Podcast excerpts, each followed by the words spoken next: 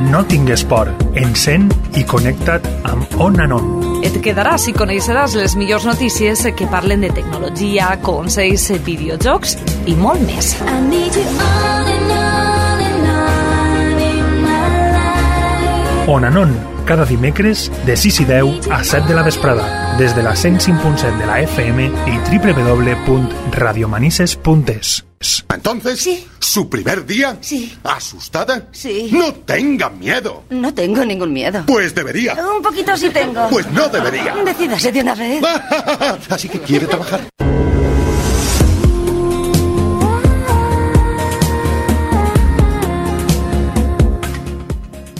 Molt bona vesprada i benvinguts. Ja sabeu, és moment de la tecnologia així a la ràdio municipal de Manises.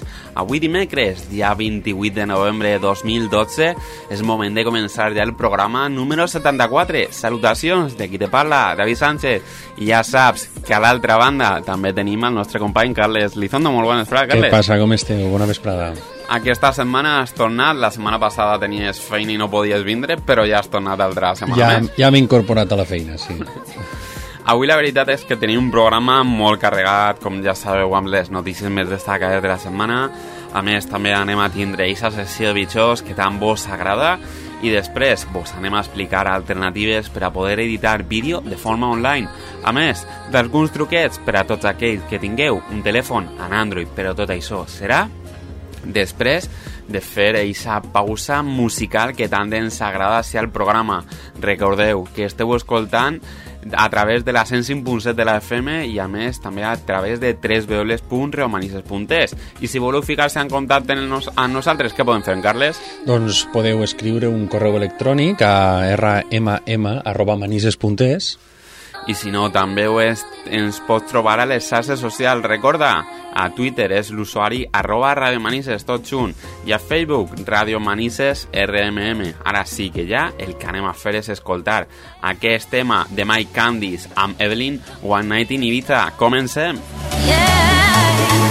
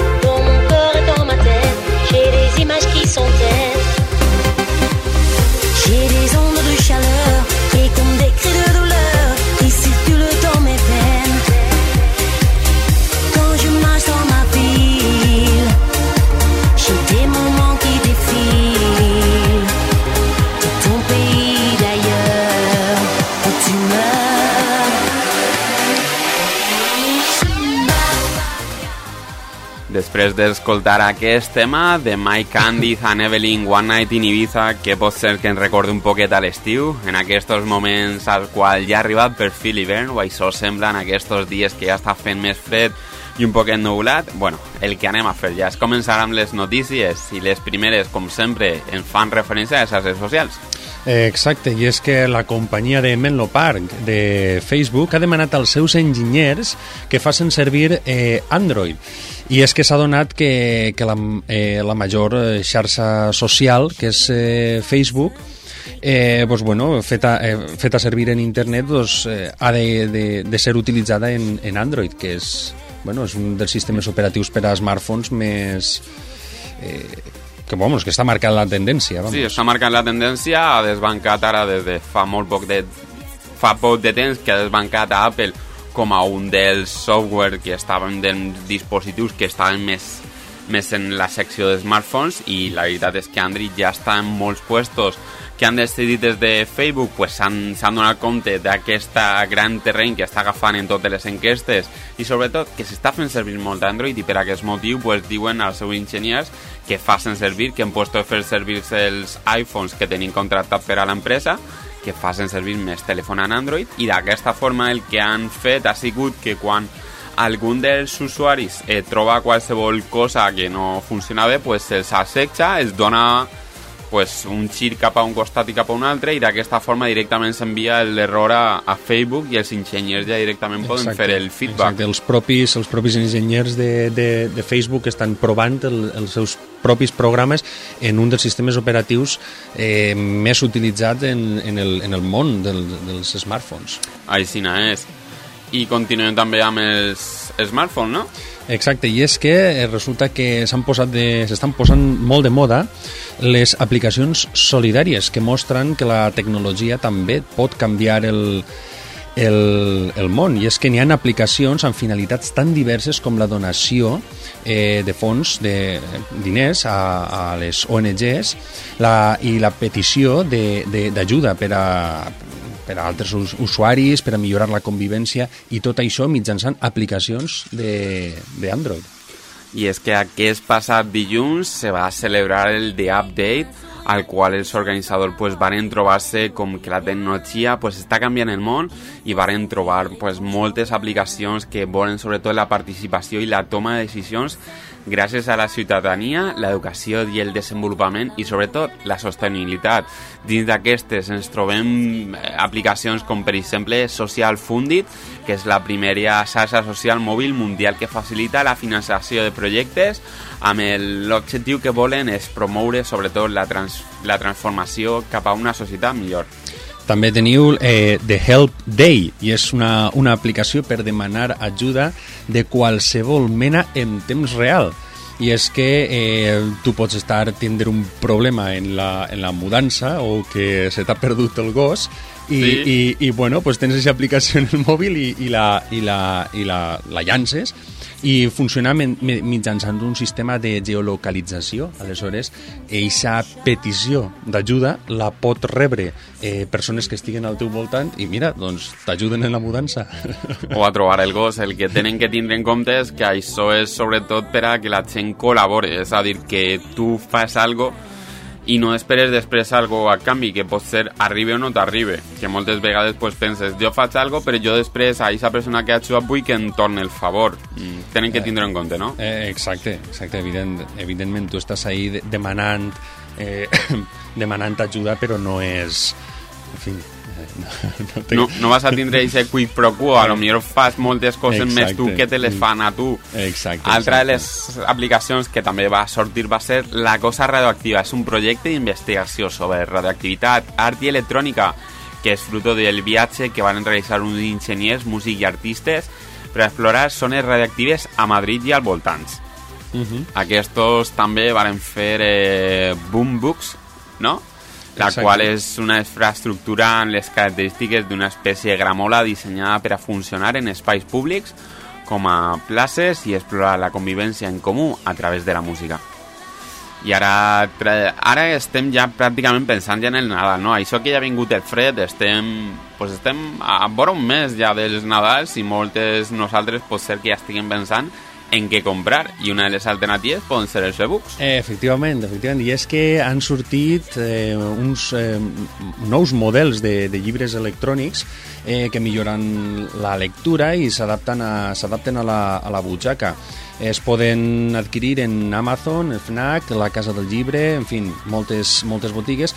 I un fet, eh, un fet destacable és que eh, han baixat molt de preu. Eh, el, eh, el, fa uns mesos o uns anys se situaven la, el preu mitjà es situava vora els 250 euros i ara estan eh, al voltant de 100 euros.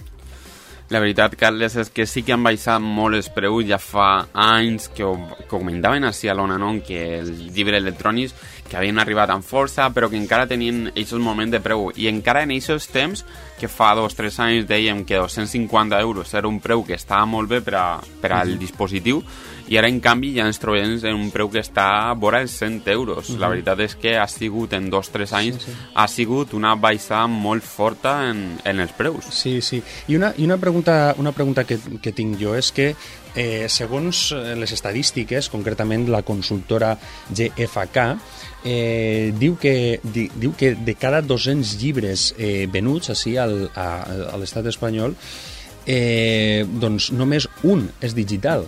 És a dir, no, els llibres electrònics encara no han pegat en tanta força com, per exemple, segons aquesta consultora, eh, als Estats Units, no? El problema pot ser que estava sobretot en el tema del, de l'IVA, no? El- L'IVA per a un llibre de paper era molt baixet i en canvi per a un llibre electrònic pues estava, abans estava en el 18%. I també, i també tinc un, una, una pregunta per curiositat, perquè jo estic interessat en, precisament en comprar-me d'ací no res, aprofitant la baixada de De preus, preus. d'ací no res me compraré un, un, un llibre electrònic, no? I m'agradaria saber el tema de, de, de, les, de les còpies, que, que, com, com fan les editorials per vendre't un llibre electrònic i que després no es puga copiar, o sí que es pot copiar. Els llibres realment electrònics el que el fan és que en fica una codificació DRM, que és com se'n crida, i d'aquesta forma pues, és el sistema anticòpia per a que només els tingues tu i després no el pugues passar. El que passa és que, bueno, com, com tot, feta la llei, feta la trampa, després la gent arriba, troba com, com llevar-li això i, bueno, després els llibres pues, es van passar la gent. El, el format de llibre electrònic és .epub, no? És el predominant, el sistema PUF sí que és el predominant perquè te dona molt de xoc per a ficar-li informació, com és el cas del DRM del sistema anticòpia. També té la possibilitat, de, que és lo bonic, de poder augmentar tu la lletra on, quan està llegint i que aquesta lletra s'augmenti i se, i se te creen les pàgines noves per a tu poder llegir amb més claretat. I és el sistema predominant, encara que també hi ha- n'hi ha altres sistemes que estan en aquests moments que si voleu el, és un tema que podem parlar la setmana que ve. Uh -huh, Podem ampliar. Sí, sí, sí, sí. Però sí, sí, és interessant perquè me vull comprar un e-book i suposo que n'hi haurà molta gent que també voldrà comprar-se un e-book.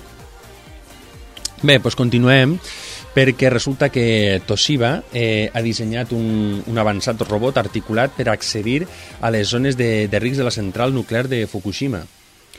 Ja saben el que va passar allí i ara de sobte pues, s'han donat compte que necessiten accedir i per a poder netejar tot això i Toshiba pues, ha desenvolupat aquest robot articulat que té quatre potes per a poder realitzar aquestes labors d'investigació i recuperar pues, en les zones de, sobretot d'alt risc d'aquesta central nuclear de, de Fukushima i d'aquesta forma pues, intentar netejar. Eh, porta una càmera i un medidor de reactivitat ajudaran a estudiar de manera remota les condicions reals en aquesta àrea de la central on pues, va ocórrer el, aquest desastre. Uh -huh. I n'hi han dos. Eh, bueno, sembla que n'hi ha un, un, un robot supletori, perquè unes dades, eh, perquè tingueu una idea de com són aquests robots.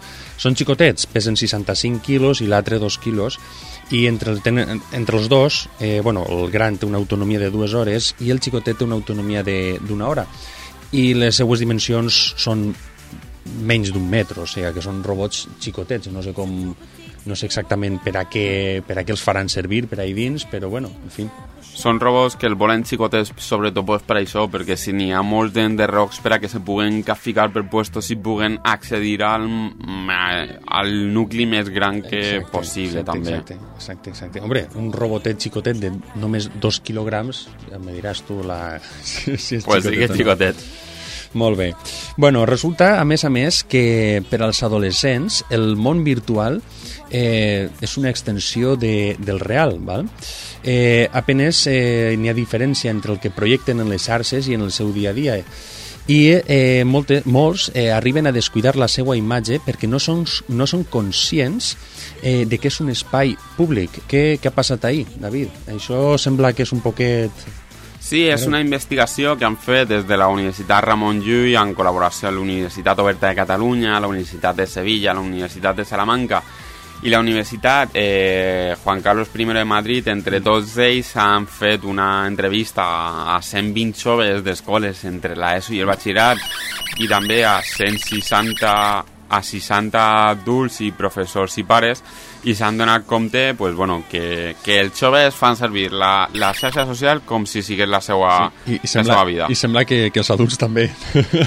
No, els adults se'n se donen compte que, que no poden donar aquesta imatge que donen a la vida real i donen s'han donat compte sobretot això que tenen que deixar-lo més de banda la xarxa social front a la vida real Mm. perquè tu imagina que després n'hi ha moltes empreses que ara ja van a investigar a tota la gent a través de les xarxes socials a veure què és el que dius o no dius. Sí, sí, i t'investiguen molt i volen veure si te n'has anat de festes i si eres una persona d'una forma o d'una altra de com eres a la vida real i és això sí. per lo qual n'hi ha que cuidar un poquet la, el que fiques a la xarxa. Jo crec que una cosa són les xarxes socials tipus Facebook, en el que tu pots eh, agregar els teus eh, amics, eh, familiars, i, i, i, ten, i té, té uns, uns límits de privacitat. És a dir, n'hi ha que, eh, quan t'obris un compte en Facebook i ja comences a agregar a gent, eh, has de saber que mm, tens possibilitats de de limitar la teua, la teua publicitat i de la, la, la privacitat que tu tens en,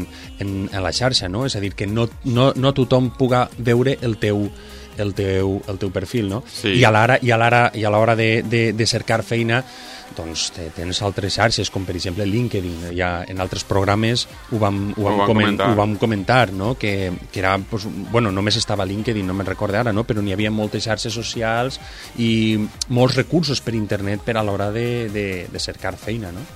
No només Facebook. Jo Facebook, personalment, la recomane més per a algo més privat, és a dir, familiars i amics, no per a que obrigues el teu perfil i tothom, tothom puga penjar eh, fotos i puga etiquetar-te i aquestes coses.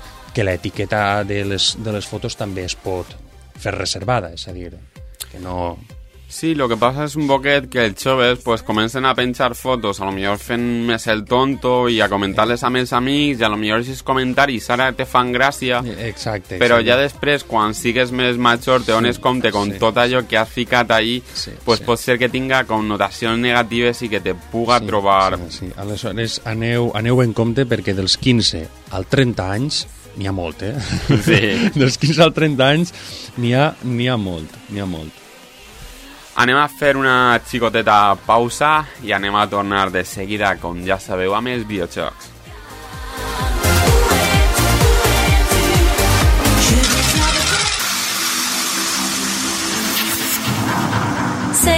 Ràdio Manises, la teua opció.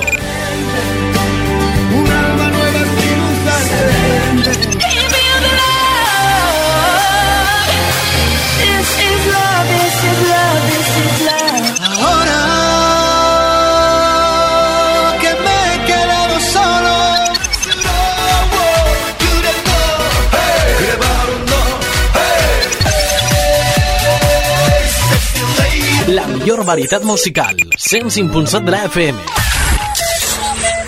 Bueno, i la secció de videojocs que jo encara no estic Posada, no? no, no, i sempre espera que David mos informe i avui crec que té alguna important.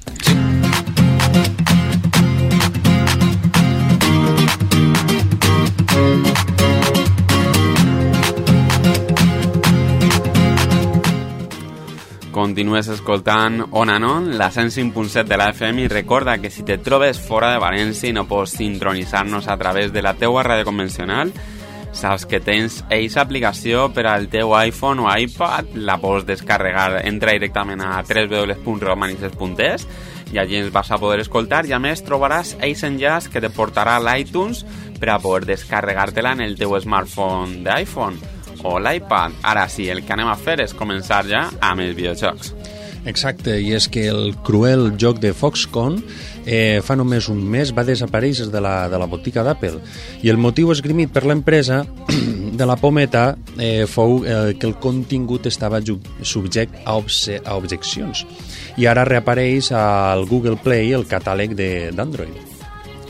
Aquest xoc que, que, bueno, més que un xoc era més com una espècie de documental que el que volia i te'n feia era guiar-te per aquestes instal·lacions de Foscom, que és la fàbrica la qual és l'encarregada d'ensamblar i de proveir tots els components d'Apple, pues te feia aquest documental al qual t'informava de tot allò, d'en fer reals i dades que t'explicaven com estava funcionant aquesta empresa i com estaven pues, subjectes tota la gent que està allí treballant a unes condicions laborals un poquet, diguem, que no són les més idònies, són les més justes que podríem dir. Mm -hmm. Unes, la veritat és que es comentaven pues, tot el tema de l'esclavitud, eh, referència sobretot també als disturbis, la penúrbia i pues, bueno, la tristesa que té la gent allí que està treballant ni a vegades en jornades de 12 o 14 hores i la veritat és que eh, la veritat és que a Apple no li agrada que se faci a públic allò que no està fent bé. Això va ser una notícia que la van comentar també fa, fa uns programes, el problema Sí. en Foxconn i...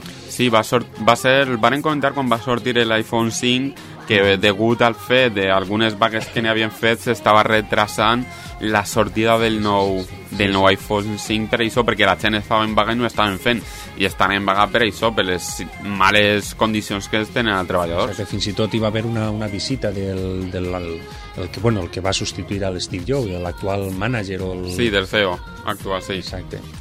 Bé, doncs continuem. I és que eh, l'usuari de Nintendo Net Network està vinculat a la consola en la que es crea. No es pot transferir ni fer servir en altra consola. La veritat és que és algo que en aquests moments jo no m'explico, és a dir, el, per als, sobretot ho van a notar aquests primers usuaris de la Wii U que, con- que van confirmar que, bueno, que la consola està vinculada a la Network, a la Nintendo Network ID, és a dir, que el nostre perfil d'usuari és només per a la consola a la qual es crea. Trenca un poquet aquest perfil, sobretot que si tu jugues a una consola després te vas a casa d'un amic i vols continuar jugant amb la teua pues que tot estiga enregistrat i guardat en la teua consola i amb el teu pues la veritat és que trenca eixe moment de sociabilitat que podríem pensar, no? El, dir, jo vaig a qualsevol casa, vull anar a jugar amb els meus amics i me porta l'usuari, que és només entrar a internet i a sobte pues, ja tens allí totes les partides guardades i que no te deixen fer-ho, pues, a lo millor és, simplement és una xicoteta limitació de Nintendo que esperem que amb una possible actualització pues, ja jo es crec que ahir hem pensat més en els, en els xiquets eh, japonesos que estan més insociabilitats, és a dir, Sí. eh, juguen dins les seues cases i no, no, no, són, no, és, no és com aquí. En, aquí, per exemple, en València jo conec una una caterva de xavals, de gent que queden per fer, eh, bueno, no sé, suposa que els que, el, allò que se feia en els anys 50, els, guaque, els guateques, pues Les ara, parties. A, les parties, eh, bueno, ara és quedar, quedar en els amics a jugar a la videoconsola. Bueno, bé, doncs eh, resulta que un, un espanyol eh, va, eh, ven per l'equivalent a 3.000 euros la millor arma del Diablo 3 i és que va rebre 11.000 milions de monedes d'or a canvi de la seua mantícora. un usuari espanyol amb el nick eh, Harl1 i que, bueno, que han cridat ja moltes, ja que ha sigut el que va aconseguir el Diablo 3 i va vendre per vora uns 3.000 euros de diners en el joc eh, aquesta arma. La veritat és que ha sigut una de les, de les coses més cridaneres en, en el joc, sobretot per això, perquè mai s'havien... Sí que s'havien venut altres vegades coses a través de- d'aquest joc, del Diablo 1, del 2 i del 3, però en aquesta ocasió sí que va ser el, aquest objecte més desitjat, aquesta mantícora, la qual pues, va poder arribar a, a vendre. De, realment veurem si l'usuari que la va comprar pues, pot treure profit real o simplement se queda en aquesta notícia.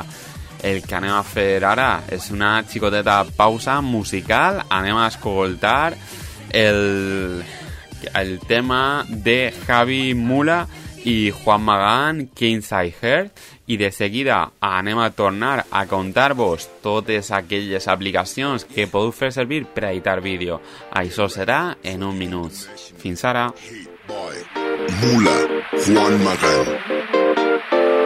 I'm strong enough, my baby, and you don't care about. Now listen to me, lady. I'll mend my broken heart. We fall to get up again. No one can stop the game. I will always feel the same.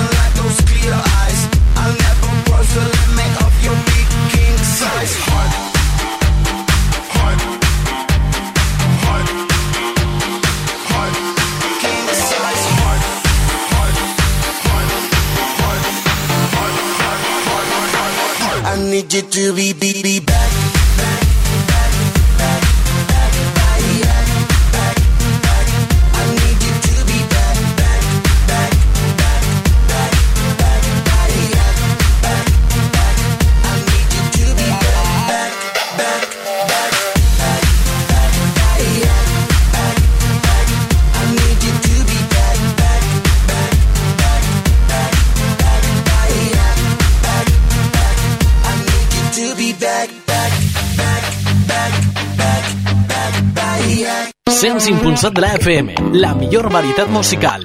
Informática, dígame. ¿Ha probado apagar y volver a encender?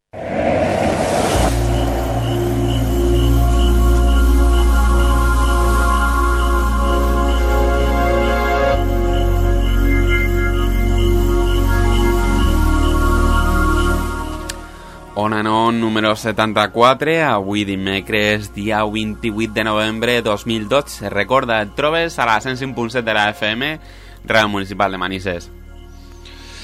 Bé, doncs, eh, què ens ha passat moltes vegades? Que mm, volem editar un vídeo i no tenim el programa adequat eh, instal·lat en l'ordinador i, i aquestes coses, no? I sempre és, un, és una història tindre molts, molts programes instal·lats a l'ordinador.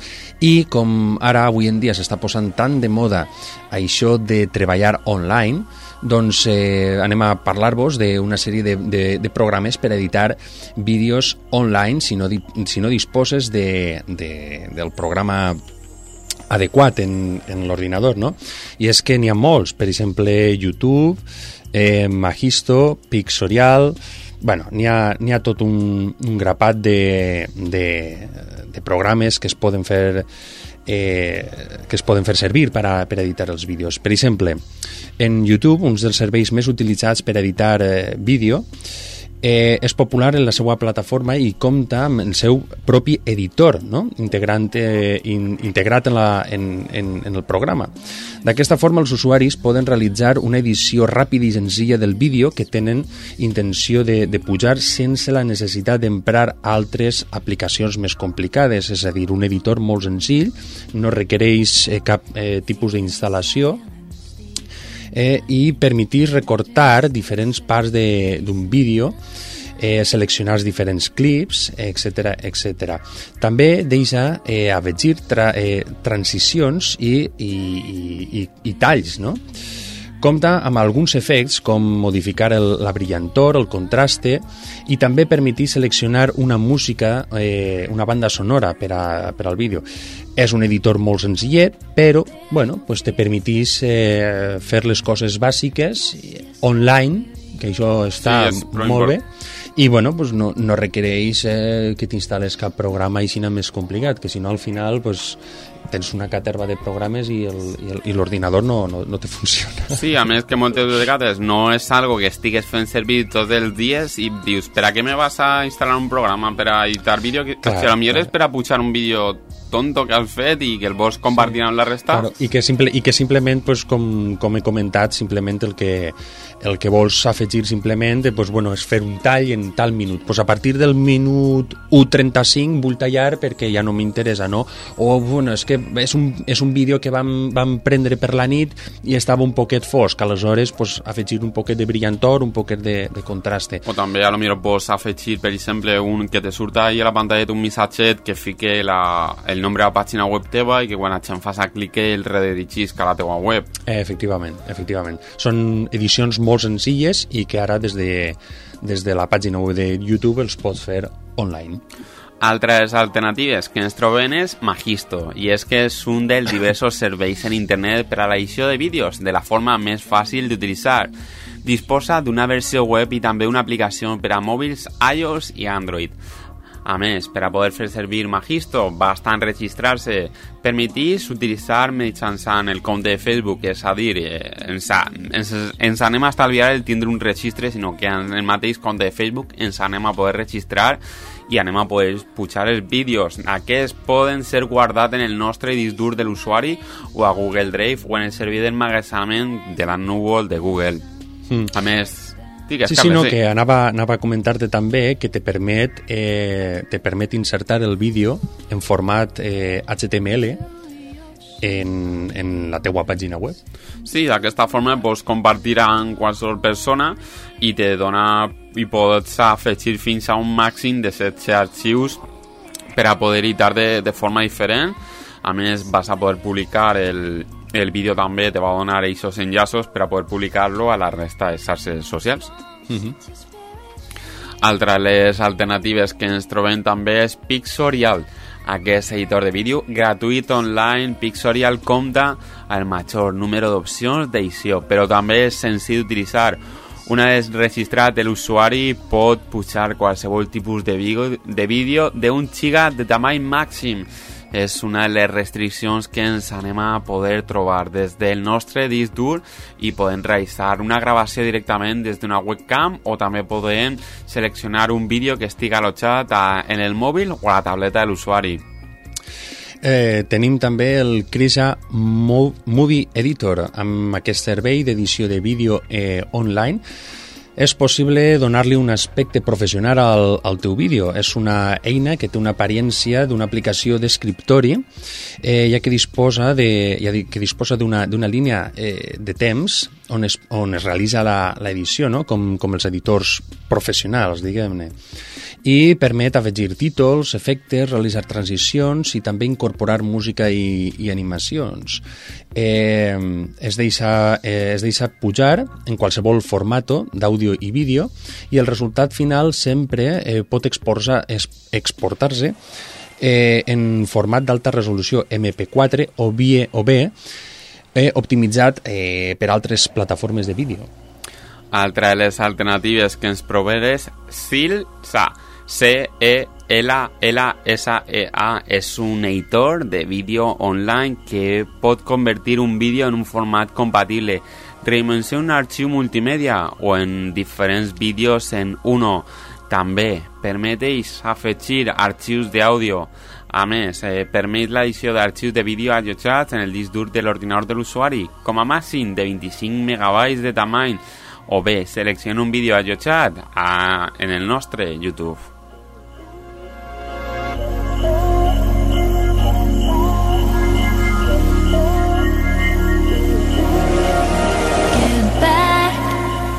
anem a una pausa musical. Anem a escoltar el tema de Alicia Keys, Empire State of Mind.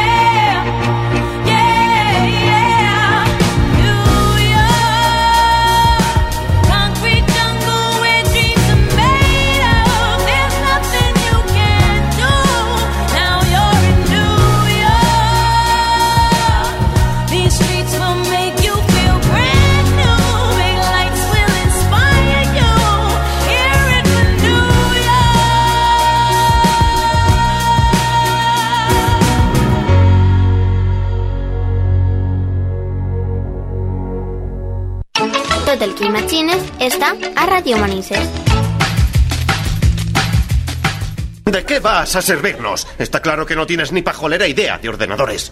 De acuerdo, es verdad, pero puedo aprender.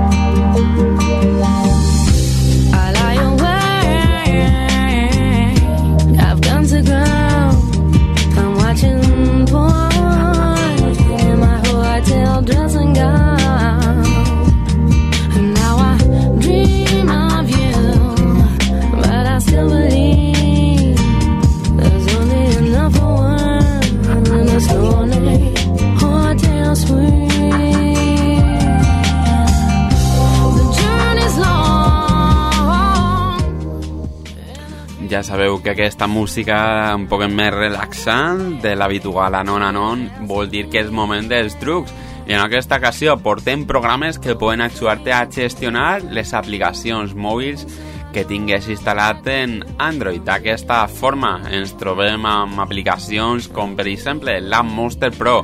És una aplicació que permet gestionar de forma senzilla altres aplicacions mitjançant diferents funcions eh, per a realitzar còpies de seguretat, restaurar, instal·lar o desinstal·lar aplicacions des d'una targeta SD. Compta amb diverses característiques molt interessants com còpia de seguretat automàtica, l'envio dels arxius APK de les aplicacions per correu electrònic i a plataformes d'emmagazenament com el Núvol, com és el cas de Dropbox, o publicar enllaços de les aplicacions en les xarxes socials com Facebook o Twitter. Aquesta aplicació tenim que dir que és de pagament, costa 2,49 euros a la tenda del Google Play. El desenvolupador també compta amb una versió més bàsica, gratuïta. També tenim Super App Manager, i que està pensada per gestionar de forma ràpida i senzilla les aplicacions instal·lades en el telèfon. Entre altres opcions, permet editar o canviar el nombre d'aquestes aplicacions mitjançant una pulsació llarga sobre la icona. Eh, una funció similar a la gestió d'aplicacions en els dispositius de, de l'entorn iOS com l'iPhone, l'iPod o l'iPad. Altra de les aplicacions que ens trobem és Android App Manager. És una aplicació molt útil per instal·lar o desinstal·lar aplicacions, conèixer, eh, conèixer informació del sistema, com dades de la bateria, l'espai del magazenament o la memòria RAM utilitzada, o realitzar una còpia de seguretat dels programes. També incluïs diferents filtros per a categoritzar les aplicacions segons criteris. Bé, tornem en, en una, un, altre, un altre nom molt semblant. Adoneu-se que és una, tot una combinació de App Manager i un altre, uh, un altre, sí. un altre nom, Super App Manager, Manager App Android... Bé, doncs aquest és App Manager Pro i és molt adequada per gestionar aplicacions instal·lades i realitzar còpies de seguretat de les mateixes, cosa que algun cop que altre pues, no ve gens malament. Sí. Entre altres opcions, permet eh, conèixer detalls sobre les aplicacions i els seus permisos. Eh, també permet restaurar, desinstal·lar i borrar eh, aplicacions. Aquesta aplicació no és gratuïta, té un cost de 0,63 euros i també, a més a més, eh, té una versió gratuïta amb el però amb funcions limitades. Això és tot el que, eh, tota la indústria del software sol, sol fer aquestes coses, no? llança la seva aplicació eh, gratuïta per a gratuïta. que la veig un poquet i... Exacte, i després la, que és de, la, la versió que és de pagament doncs és la que té tota, tota una mena de, de, de possibilitats no? i de característiques. També per a tots aquells usuaris que requerisquen funcions més avançades, una opció molt recomanable és Titanium Backup Pro, ja que compta amb una infinitat d'opcions i funcions tant per a gestionar aplicacions com per a realitzar múltiples còpies de seguretat. El seu preu és de 5 euros. Bé, i una altra és App App Backup and Restore. Aquesta està orientada a realitzar còpies, còpies de seguretat de les aplicacions en una targeta SD, restaurar-les o realitzar processos automàtics de còpia. En aquest sentit, eh, aquestes còpies de seguretat eh, només són de les aplicacions i no dels dats, de, de les dades associades o generades eh, per aquestes. Abans d'instal·lar aquestes aplicacions. És recomanable saber si són compatibles a la versió d'Android que tenim instal·lada en el nostre mòbil, ja que degut a la fragmentació de versions i models del mercat no totes les aplicacions són compatibles amb tots els telèfons que corren baix el mateix sistema operatiu. Aquesta informació la poden aconseguir directament des del programa seleccionat de la tenda de les aplicacions del Google Play o també quan entren a través de la nostra versió des, des del telèfon o també a través de la versió web. Anem a fer una breu, però molt breu pausa musical. Anem a escoltar el tema d'Antoine Clamaran i Soraya, Life Your Dreams.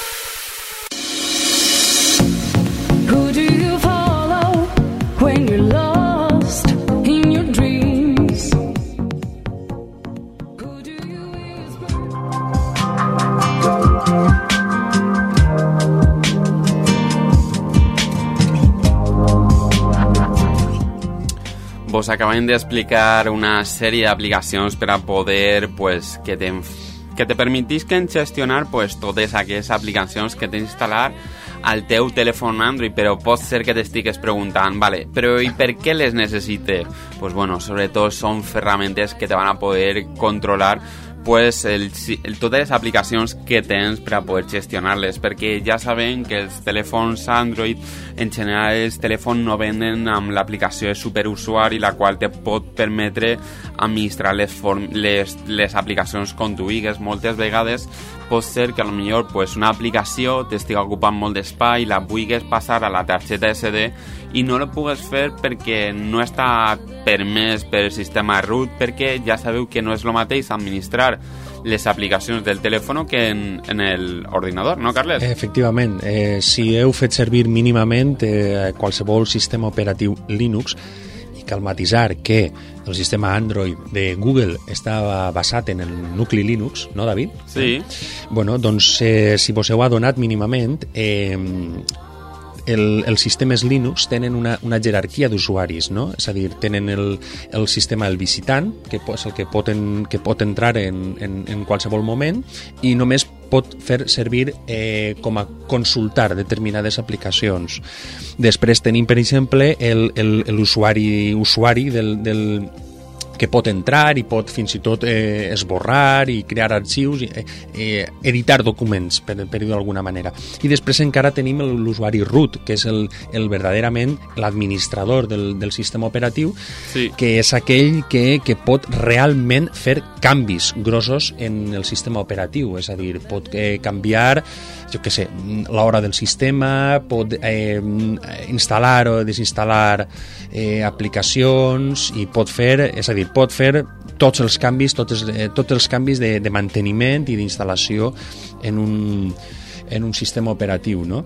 I, bueno, i, i aquesta és un poquet la, la, la diferència que, que n'hi ha, bueno, realment tots els sistemes operatius són igual, no? però sí que n'hi ha una xicoteta diferència no? entre, per exemple, el, el Win, els sistemes eh, Linux eh, i els sistemes i els sistemes Windows, no, David? Que en, en els Linux n'hi ha un, una espècie de, de, de llançador o de carregador d'aplicacions, no? I en Sí. Windows funciona un poquet diferent, no? Més o menys és igual, però... Pero tienen esos, esos cambios, ¿no? Que así, por ejemplo, en, en Android, pues tenim directament, al igual que ocorrís en, en el iPhone, tu vas directament a la tenda, a l'Apple Store o en aquest cas al Google Play i estan allí totes les aplicacions per instal·lar-te mentre que des d'un sistema que puga ser Windows pues ja tens que anar directament a cadascuna de les pàgines del programa, descarregar-te-lo, comprar-lo i d'aquesta forma està unificat. Què passa? Que quan comences a instal·lar moltes coses te poden deixar restos o deixalles que potser pues, fan que vagi un poquet més lento el Clar, telèfon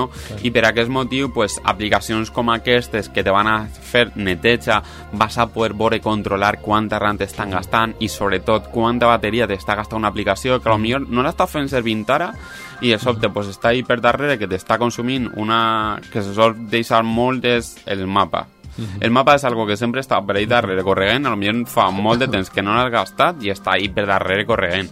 I és una molt bona opció per a obrir-lo i matar-lo, per dir-lo d'alguna forma, igual que farien en l'administrador de tales de Windows. Sí, bueno, eh, cal explicar als usuaris que matar, matar un programa, a veure com està això en termes, en termes informàtics, no? Eh, to, to kill. Es, eh, to kill an application eh, significa eh, desconnectar-la completament del sistema operatiu, completament de la RAM, de la placa base, és a dir, desconnectes completament el procés, no? En informàtica es diu procés, Sí, no? és el procés que s'està executant en aquest moment. Exacte, exacte.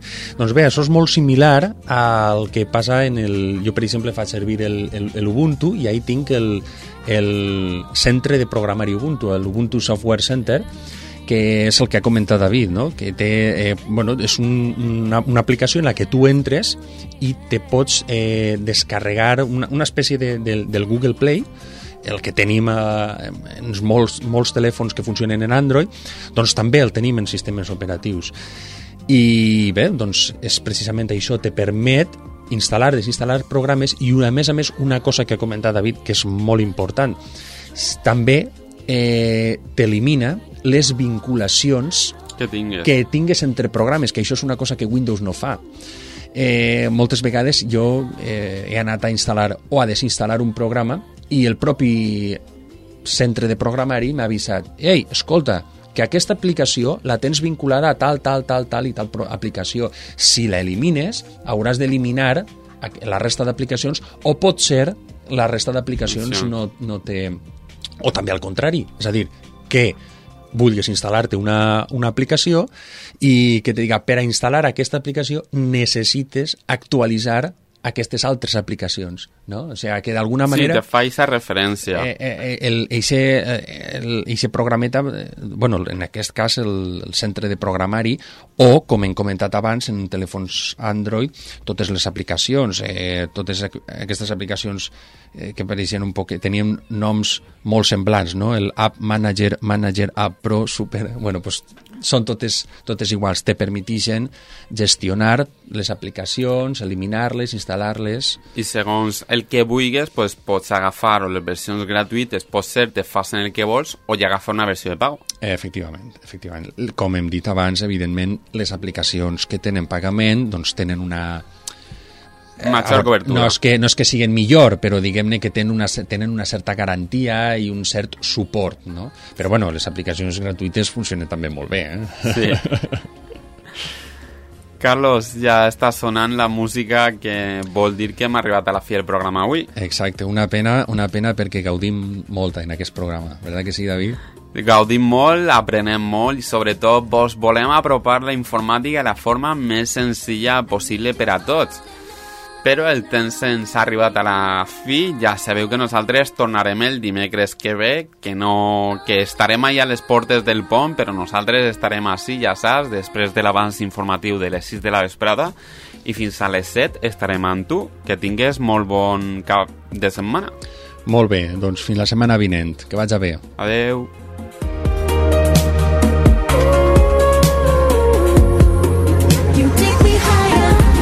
No tingues por, encén i connecta't amb On and On. Et quedaràs i coneixeràs les millors notícies que parlen de tecnologia, consells, videojocs i molt més. I need you on and on and on in my life. On and On, cada dimecres de 6 i 10 a 7 de la vesprada, des de la 105.7 de la FM i www.radiomanises.es.